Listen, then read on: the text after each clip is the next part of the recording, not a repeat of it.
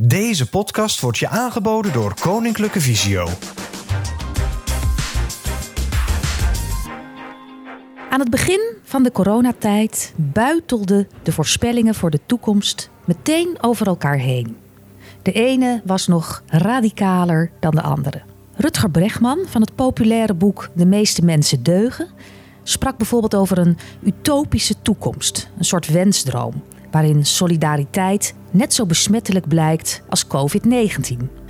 Anderen waarschuwden weer voor een dystopie. Dat is een wereld waar je absoluut niet in wil leven. Waarbij westerse democratieën een fase ingaan van permanente noodtoestand en repressie, naar Chinees model. En waarbij mensen hun vrijheid graag inruilen voor veiligheid.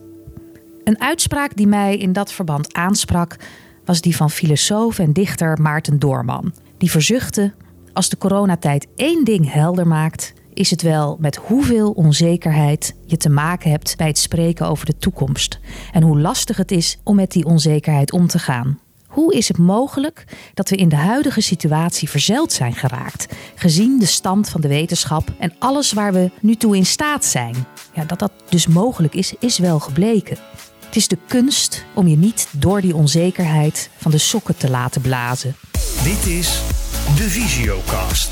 Een podcast van Koninklijke Visio. Het expertisecentrum voor mensen met een visuele beperking. In deze podcast kijken we naar wat wel kan. Delen we positiviteit en een glimlach. Welkom bij de Visiocast, seizoen 2, aflevering 3. En eh, Mieke, Petra en ik zitten weer aan de eh, ruime tafel. Althans, we zitten op ruime afstand van elkaar. Ja, onze koffers staan al bijna gepakt voor, eh, voor de zomervakantie. En ehm, ja, mocht je wat geluid op de achtergrond horen, we zitten in een ruimte en de ramen staan open. Want ja, we moeten weer goed ventileren met elkaar. Dus als je af en toe een trein langs hoort razen, dat klopt. Dat is bij ons op de achtergrond. Deze derde podcast gaat over met de wind in de zeilen, uh, blik op de toekomst. Ik vond dat je dat mooi eindigde, Mieke, met je niet van de sokken te laten blazen. Hoe doe jij dat? Ja, hoe doe ik dat? Um, wat mij het beste helpt, is toe te geven dat ik het even niet weet.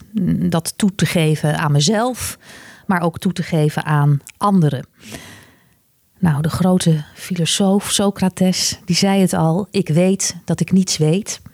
En ik denk dat dat een heel belangrijk inzicht is voor een ieder. Ik ben er zelf echt van overtuigd dat uh, we een meer ontspannen samenleving zouden kunnen krijgen op het moment dat we dat wat meer zouden toegeven. Ik weet het niet, uh, ik ben er onzeker over, ik twijfel eraan. Het zou ons helpen uh, als we daar niet zo bang voor zouden zijn om dat toe te geven. Want kwetsbare periodes, ja, die horen erbij. In plaats van steeds je maar op een succesvolle manier en slimme manier en onfeilbare manier te presenteren.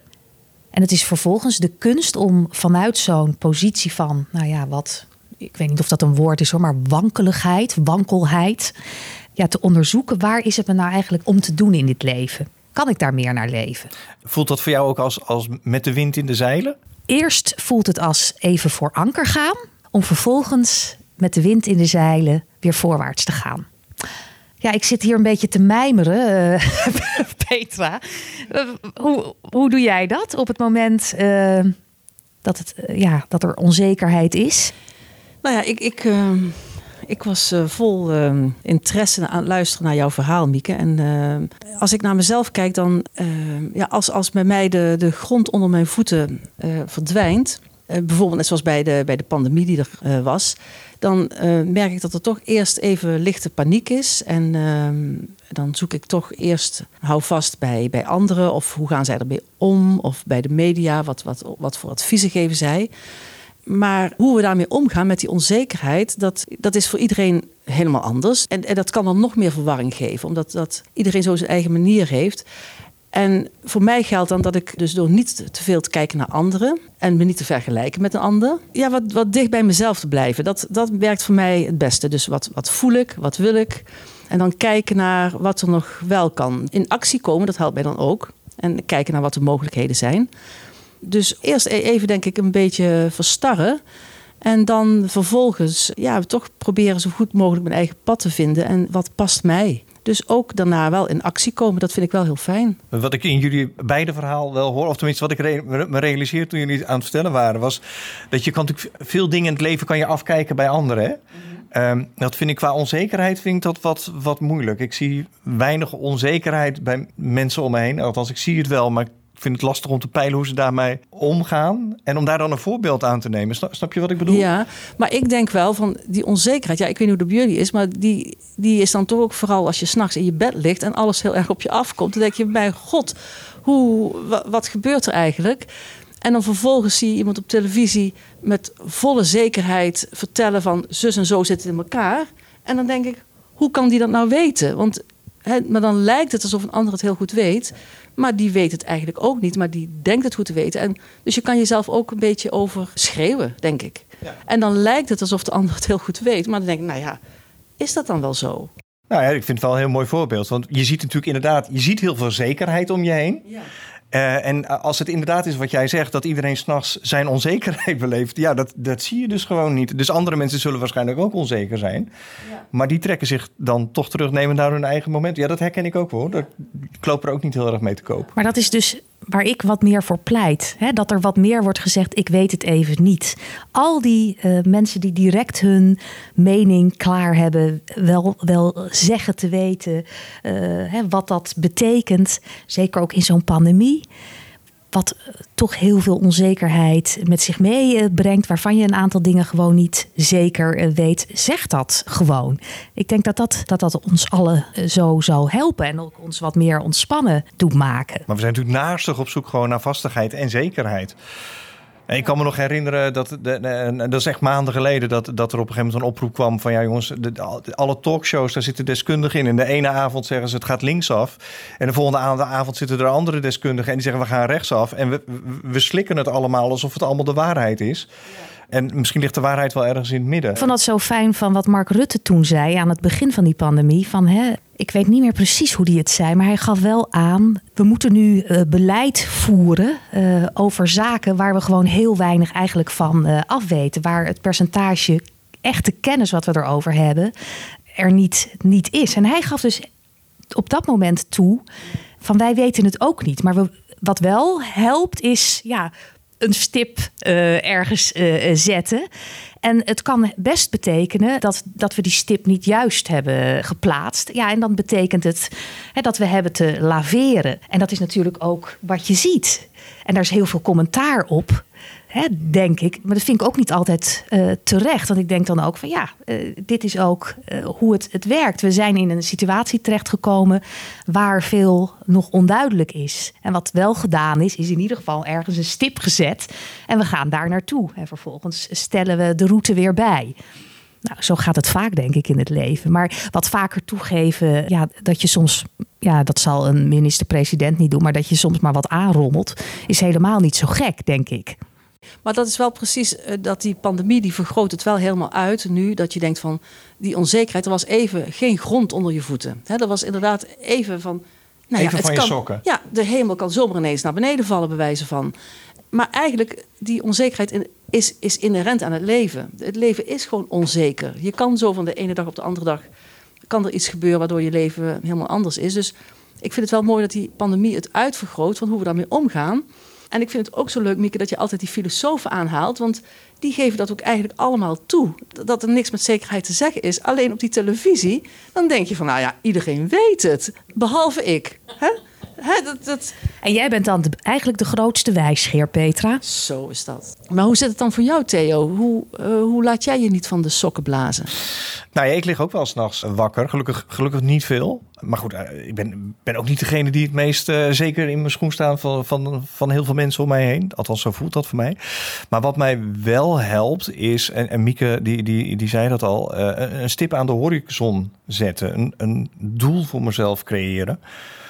Uh, waardoor ik iets heb om naartoe te werken. En dat geeft mij wel zekerheid. En dat, nou ja, dan kom ik weer met mijn brood. En dat kan soms zijn door, door een brood te bakken. Waarvan ik denk, nou, dan heb ik over twee dagen heb ik een lekker brood. Dat is vrij eenvoudig te realiseren. Maar dat kan ook groter zijn. Gewoon even nu vanuit mijn eigen agenda puttend, om door een documentaire te maken, wat, wat veel groter en veel, veel meer impact heeft. Maar zet hem maar op de horizon en ga maar beginnen en kijk maar hoe ver je komt. Dus jij komt ook graag in actie? Ik ben heel erg van de actie.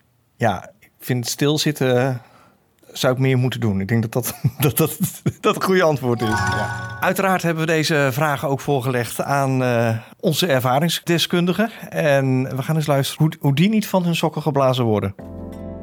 Als vroeger minister-president een moeilijke vraag gesteld werd, dan antwoordde je meestal met twee dingen. Uh, dat doe ik nu ook. Twee dingen. Corona heeft mijn spontaniteit aangetast naar andere mensen toe, naar medemensen. Ik kijk met enige reserve naar hoe we met elkaar omgaan. Dat vind ik echt beschadigend. Het positieve is dat alle dichtbij dingen, fietsen, fietsmaatjes, fietslessen geven, maar ook in de tuin werken, me ontzettend veel plezier doen. Ben mij meer bewust van mijn eigen kracht en kunnen en wat ik nog wel kan, ondanks mijn beperkingen. Dit door grote veranderingen in mijn persoonlijke situatie en ook door corona. En ook hulp te aanvaarden en los te laten bij teleurstelling van mijn eigen omgeving of de samenleving. Ik denk in deze coronaperiode wel eens aan de woorden van mijn moeder als ze de krant uitploos en dan zei: Wat leven we toch in een rare wereld. Nu we al anderhalf jaar bezig zijn in deze coronapandemie, denk ik aan haar. En denk ik ook: hoe komen we hier weer uit? Ik laveer om de golven van het coronavirus heen.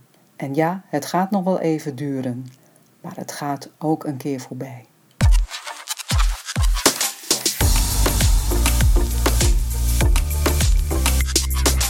Wij vinden het delen van verhalen en ervaringen belangrijk. Daarom laten we elke aflevering een cliënt aan het woord. Dit keer vertelt Daniel Schober over welke inzichten hij in coronatijd heeft opgedaan en hoe dat zijn toekomst beïnvloed heeft. Daniel is slechtziend en is ook een van onze collega's. Hij woont in een rustige buurt in Den Haag. En als eerste vraag ik hem of de afgelopen periode voor hem tot meer bezinning heeft geleid. Jazeker. Maar om dit goed te kunnen vertellen, moet ik eerst even terug naar het laatste kwartaal van 2019. Ik raakte toen wat overspannen, oververmoeid. De accu was leeg en ik kon het niet meer opladen. Ik raakte prikkelbaar en kon geen informatie meer tot me nemen en was eigenlijk niet meer in staat om goed te functioneren. Op een gegeven moment uh, heb ik hiervoor een afspraak gemaakt bij de huisarts om hierover in gesprek te gaan. Oh, dat klinkt heftig. En wat zei de huisarts? Toen ik de spreekkamer van de huisarts binnenliep, zag ze eigenlijk al direct wat er aan de hand was. Ze adviseerde me om rust te nemen en uh, dat heb ik ook gedaan. Ik ben drie maanden thuis geweest en in die drie maanden heb ik veel gesprekken gevoerd met mijn huisarts, maar ook hier thuis. En ook heeft de huisarts mij later doorverwezen naar een psycholoog die aan de huisartsenpraktijk verbonden was. Dat waren hele prettige gesprekken om, om een beetje voeling te krijgen met wat er nou precies aan de hand was en hoe ik daarmee kon leren dealen. Ook ben ik uh, aan de slag gegaan met uh, de Energizer-module van het AMC. Om uh, ja, een stukje inzicht te krijgen uh, welke invloed energie en balans ja, op je dagelijks leven hebben. En dat wist ik wel, maar het is wel goed om er bewust mee geconfronteerd te worden en er ook bewust over na te denken. Dus dat heeft mij heel erg geholpen. En ik ben bij een haptonoom terechtgekomen om wat meer te leren voelen. Voelen wat je lichaam aangeeft, uh, wat er gebeurt als je een grens overgaat en wat er voor nodig is om dan weer terug in balans te komen. Op dit moment ben ik bezig met NLP, neurolinguistisch programmeren. Een fantastische ontdekkingstocht door mijn eigen ik, die mij heel veel inzicht geeft in wie ik ben en waarom ik dingen doe zoals ik ze nu doe. Dat klinkt in elk geval alsof je weer aan het opkrabbelen bent. Je klachten begonnen al voor coronatijd, maar heeft corona invloed gehad op wat er met je gebeurd is? Corona had voor mij een positief effect. In februari begon ik weer met het langzaam opbouwen van mijn werkzaamheden. En half maart, zo ongeveer vijf à zes weken later, begon de eerste lockdown. Dat betekende toen dat iedereen thuis ging werken en dat er eigenlijk de maatschappij op slot ging. Het gaf me rust en een kans om een nieuwe balans te vinden tussen draagkracht en draaglast. Het hielp me ook om niet in mijn oude valkuilen te stappen. Ik ben iemand die enthousiast is, heel veel dingen leuk vindt en heel gauw ook ja zegt tegen dingen. En nu was er eigenlijk niet zo gek veel om ja tegen te zeggen. Zowel privé als op een werkgebied was het rustig, want heel veel mensen waren thuis. Dat moest. Nou, dat hielp mij om eigenlijk rustig aan opnieuw te ontdekken wat ik nodig had om mijn accu op peil te houden. Inmiddels mag er weer meer. We mogen elkaar weer ontmoeten en we werken gelukkig niet alleen meer online. Hoe zorg jij ervoor dat die balans tussen spanning en ontspanning goed blijft? Dat is waarschijnlijk de uitdaging voor de rest van mijn leven. Ik heb minder energie en dus een andere draagkracht als vroeger. Waar ik vroeger mijn agenda volpropte met afspraken, moet ik er nu rekening mee houden dat als ik iets plan, er daarna ook voldoende ruimte is om daar weer van bij te komen. Om de energietank weer vol te laden om ervoor te zorgen dat ik niet oververmoeid raak. Daar ben ik op dit moment heel bewust mee bezig en dat geeft me eigenlijk al een rustig gevoel. Bedankt Daniel voor je openhartigheid en ik hoop dat je de balans goed kunt bewaren. Heb je naar aanleiding van dit gesprek vragen? Stuur dan een mailtje naar visiocast.visio.org. Voor meer informatie over het project Energize, waar Daniel over sprak, verwijs ik je naar de link in de beschrijving.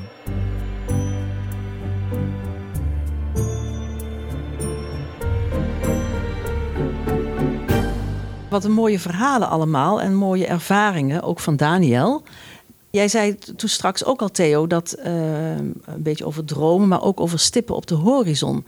En ik vroeg me af, heb jij stippen op de horizon? En welke zijn dat dan voor jou? ja, dus een beetje inkoppen. Want ik zei net al van ik, ik kan niet zonder stippen op de horizon. Dus als ze er niet zijn, dan ga ik ze gewoon creëren. Dan ga ik gewoon brood bakken. Ik heb wel meerdere stippen op dit moment op de horizon. Ik noemde net al de documentaire die ik, die ik ga maken. En, en ik heb al eerder gezegd dat ik volgend jaar een speelfilm ga maken. Dus dat zijn hele grote stippen op de horizon en met heel veel uitdaging. Maar waar ik eigenlijk meer aan over na zat te denken in de aanloop naar deze podcast. Dat ik dacht van ja, hoe was dat dan vorig jaar? Welke stip had ik toen op de horizon? En toen kwam ik eigenlijk wel tot een hele mooie, uh, verrassende conclusie.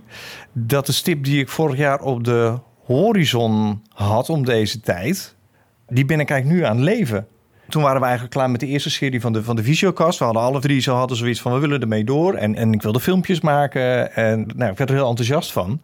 Alleen dat zat op dat moment zat dat nog niet in mijn, in mijn werkzaamheden. En nee, dat leek er ook niet aan te komen gelukkig is dat dus wel gebeurd. En leef ik dus de droom die ik vorig jaar had. En maak ik nu filmpjes en ik adviseer. En ik kom bij allemaal mensen over de vloer en heb mooie contacten opgedaan. Dus op dit moment ben ik de droom die ik vorig jaar had, ben ik aan het leven. Wat mij toch nieuwsgierig maakt, Theo, van hoe heb jij dat dan gedaan? Want ben je dan zo na die podcast, die eerste serie, ben je dan zoveel benaderd door mensen die zeiden van zou jij wat hier meer mee willen doen? Zou dit binnen Visio ook iets zijn waarin uh, ja, nog meer mogelijk is? Of hoe, hoe heb je dat dan gedaan? Nou, zo, zo spontaan ging het niet. Er waren wel wat mensen die wat van me wilden, zeg maar. Dus ik ben wel gevraagd om een aantal projecten te doen of mee te denken. Maar als ik heel eerlijk ben, heb ik wel even moeten knokken om dit voor elkaar te krijgen. Toch wat mensen gesproken en mensen moeten overtuigen van... ik denk dat dit goed is, eh, voor, voor mij, maar ook voor Visio. En uiteindelijk is het gelukt. Maar het was niet van een leien, leien dakje. Dat heeft misschien ook dan wel met dromen te maken. Dat als je echt iets voor elkaar wil krijgen... wat iets ingewikkelder is dan alleen een brood bakken... dan moet je er ook wel voor gaan. Want volgens mij was dat ook wel wat er aan de hand was. Want je was ook echt van overtuigd dat het ook een heel goed uh, middel zou zijn... om uh, meer luister of meer mensen te bereiken. Meer cliënten, maar ook medewerkers. Die had ook die overtuiging. Ja, toen wij begonnen vorig jaar maart met deze podcast, wisten we überhaupt niet of er iemand naar zou gaan luisteren, behalve wij drie en misschien een paar van de verhaalde collega's. Het blijkt gewoon een succes te zijn en, en we doen er heel veel mensen een plezier mee. Ja, dan wil ik daarmee door. Ik wil dan niet na één seizoen zeggen, we stoppen ermee jongens, bedankt voor het luisteren, dit was het. Ja, daar moet je wat mensen van, voor overtuigen. Dat is zeg maar het terugkijken en kijk ik vooruit, ja, dan, dan, dan duurt deze droom nog wel even. Um, grappig wat je, wat je zegt hè, over die stippen aan de horizon. Die heb ik een tijdje geleden even niet kunnen ontwaren. Ik miste die stippen een beetje. En dat had te maken met nou ja, een soort samenloop van omstandigheden. Niet zo goed slapen. Een nieuw klant-volgsysteem. Uh, wat niet direct voor mij even lekker uh, liep. Misschien toch ook wel cliënten die het moeilijk uh, hadden door alle coronamaatregelen. Nou, dat alles bij elkaar, dat zorgde ervoor dat ik merkte dat het even iets minder gemakkelijk ging, het werk.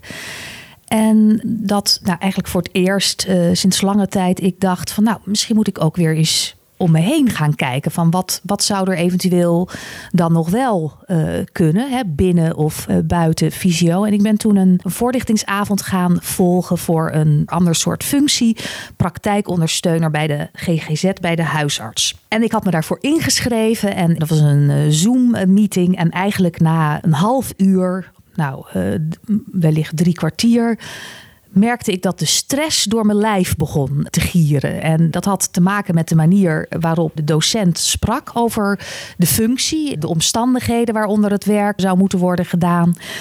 En dat waren allemaal punten waarvan ik dacht: Jeetje, Mina, wat lijkt me dat verschrikkelijk. En wat is het dan anders in mijn huidige werk? En eigenlijk dus sindsdien, sinds die uh, bewuste avond, ben ik weer zo blij met wat ik hier doe. De tijd die ik krijg, uh, de omstandigheden waaronder ik uh, werk. Ook het multidisciplinaire, want het bleek dan een heel solistische functie te zijn. Nou, daar ben ik ook niet voor gebakken. De collega's die je hier zo hebt. Dus ik ben weer ontzettend tevreden. Nou, eh, meer dan tevreden. Ik voel weer wat voor mij altijd belangrijk is om dat te voelen: een soort van gedrevenheid. En heb daardoor ook weer plannetjes. Denk van, nou, moet een nieuwe opleiding volgen. En dat werkt dan ook weer door in mijn privé situatie. Waardoor ik ook weer meer zin heb om dingen te gaan doen. Dus het een hangt ook zo bij mij zo sterk samen met het, met het ander. Ja, dus door van een afstandje naar je huidige functie te kijken of naar je werk te kijken, kreeg het ook weer, kreeg het weer perspectief en ook weer toekomst. Absoluut. Dat is precies uh, zoals ik het heb uh, ervaren. Petra? Nou ja, het gaat ook over dromen. Hè? En over welke dromen liggen er, wat denk ik aan als ik droom over mijn toekomst op korte termijn of op lange termijn. En ik merk dan wel dat uh, die dromen, dat dat van werk en privé, dat het door elkaar heen loopt. Op dit moment sta ik nog uh, midden in het werk. En uh, ga ik ook in het najaar nog een, een, hele leuke korte opleiding doen. Daar word ik ook echt blij van. Want deze was al een paar keer uitgesteld vanwege de coronaperiode. Maar tegelijkertijd kan ik ook al dromen over uh, hoe het zal zijn over een paar jaar als ik uh, met pensioen ga. En als ik daar dan over droom, dan ja, word ik daar ook wel weer blij van. Want dan zie ik eigenlijk mezelf heel erg in de natuur, veel naar buiten. Achter grote schildersdoeken. Ja, ik schilder helemaal niet hoor, maar ik kan me dat zo voorstellen. Zo lekker creatief met veel verf en, en tubes en zo'n schort die helemaal onder de verf zit en zo. Uh, waar ik eigenlijk blij van word is uh, ruimte, dus echt in grote ruimtes werken. Maar ook de creativiteit. En toen realiseerde ik me dat ik binnen mijn werk ook heel veel ruimte krijg en heel veel creativiteit. En doordat ik nu weer een korte opleiding kan gaan doen, wordt dat ook weer meteen getriggerd en aangeboord. En dat vind ik heel erg leuk. En uh, dus ik ben blij dat ik op de korte termijn weer zo'n leuke uitdaging uh, aan kan gaan en dat binnen mijn werk kan realiseren. En tegelijkertijd kan ik ook af en toe dromen van hoe het zal zijn als ik meer vrije tijd heb. Ik hoor Mieke en ik hoor jou zeggen, Petra, en ik hoor bij mezelf ook dat we gedreven worden door onze talenten en, en daar worden we blij van.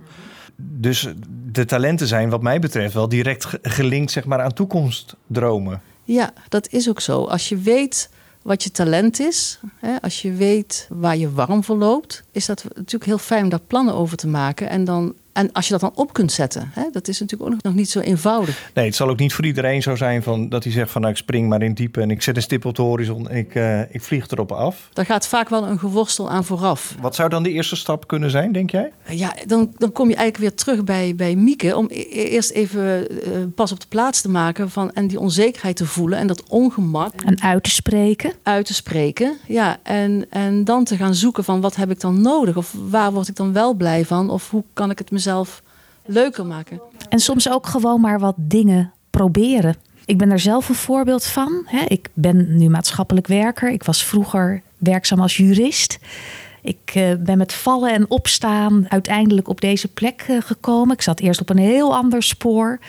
En dit is werk wat ik nu doe, wat als vanzelf gaat. Ik denk dat dat ook zo fijn is. Dat je iets vindt, of dat nou in je werkzame leven is of in, in het privé, waarvan je merkt: hé, hey, dit, dit gaat als vanzelf. Daar hoef ik mezelf eigenlijk helemaal niet toe uh, te forceren. Dan valt even alles uh, weg. Ja, dat is, dat is ontzettend prettig als je zoiets in ieder geval weet te vinden. Het mooie is eigenlijk, uh, denk ik ook, als jij hebt uh, Theo over die podcast maken en, en jij hebt het ook over een opleiding gaan doen of je weer de zin krijgen in het werk waarvoor je uiteindelijk ook alles hebt omgedraaid. Hè, want je bent vanuit een jurist naar, naar maatschappelijk werk gegaan omdat je heel veel interesse hebt in, in mensen. Ik, ik doe werk wat ik het liefste doe, dus, dus het past me heel goed dat is wel iets wat, je, wat ons betekenis geeft. We, we, we, doen, we doen iets waar een ander mogelijk wat aan zou kunnen hebben. Dus we, we leveren een bijdrage. Dus die zingeving en betekenis geven, ja, dat is waar, Theo, wat je zegt. Dat, dat, dat, dat zijn ook de stippen op de horizon. Ja, en uiteindelijk, het is grappig, want je wil natuurlijk dat meerdere mensen profiteren van je eigen enthousiasme. Dat is het. Van je eigen, wat je denkt van, dit heb ik ontdekt, dit is mooi, dit werkt. Hier geloof ik in. Hier geloof ik in. Daar moeten veel meer mensen weet van hebben. Eigenlijk probeer je je droom te verkopen, zonder dat het wat kost. Dat is een mooie. Ik heb er nog één. Hoe vaak moet je je toekomstdroom verversen? Ja, ik kan niet een aantal noemen, Theo. Uh, aantal uh, malen dat dat uh, moet. Maar je merkt het wel bij jezelf. Ik heb het laatst dus nog bij mezelf gemerkt. Van er is eventjes iets nodig om mezelf er weer bij te halen. Gevoel van een beetje inzakken, dat het allemaal wat moeizamer verloopt. Dat zijn vaak wel van die momenten, van die, van die keerpunten. Dat je en dan bij mij werkt het dan zo dat ik, dat ik dan actie ga ondernemen. Dan denk ik van nou, dan ga ik gewoon eens eventjes kijken of iets uitproberen. Van zou dat iets kunnen zijn? Dat je op de automatische piloot, soms ga je dan, dan heb je iets en dan gaat het bijna dat je denkt van als vanzelf. En dat is natuurlijk de valkuil. Dat, het moet geen automatische piloot worden. En als iets automatische piloot is, dan komt er ook verveling. En dan komt er een beetje saaiheid. En zodra als ik merk dat iets, als dat ik me ga vervelen of dat het saai wordt, dan denk ik, nou moet er even weer iets veranderen.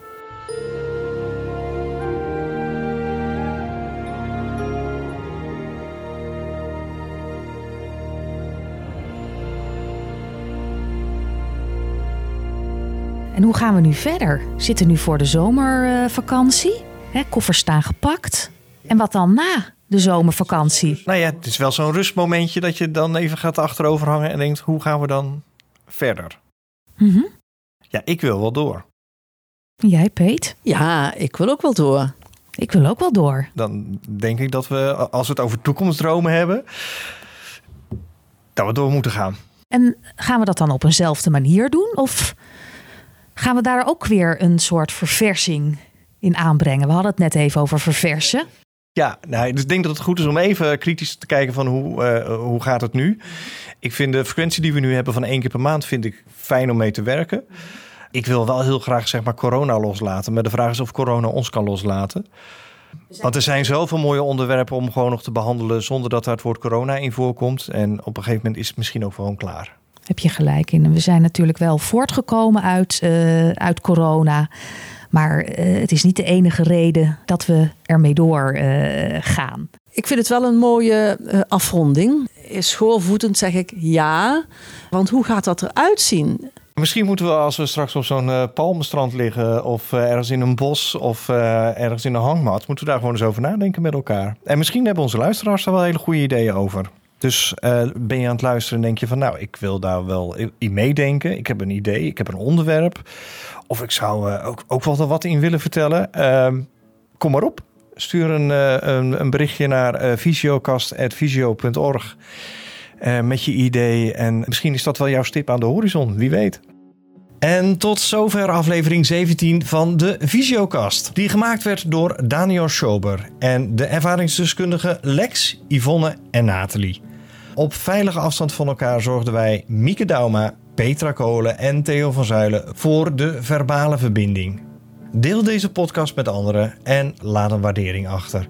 Als je een nieuwe aflevering van ons niet wilt missen, en dat wil je natuurlijk niet na de zomer, volg ons dan op Spotify of abonneer je op iTunes. Dan blijf je op de hoogte. Wij rollen nu met onze gepakte koffers richting vakantie en na de zomer laten we weer van ons horen. Tot die tijd zijn we wel per mail bereikbaar. We zijn nieuwsgierig naar jouw tips, tops en ideeën? Laat het ons weten en stuur een berichtje. We zijn dol op geluid, dus schroom niet en spreek je boodschap in. En stuur die dan per mail naar visiocast.visio.org. Wij wensen jou een prachtige zomer en graag tot in het najaar. Dit was de Visiocast. Informatie uit deze podcast vind je terug in de show notes. Wil je reageren? Dan kan dat via onze voicemail of WhatsApp op de Visiocast mobiel 06 429 10396. Of stuur een mailtje aan visiocast.visio.org. Voor ICT-vragen kun je terecht bij onze ICT-helpdesk 088 585 5666 of kijk eens op kennisportaal.visio.org.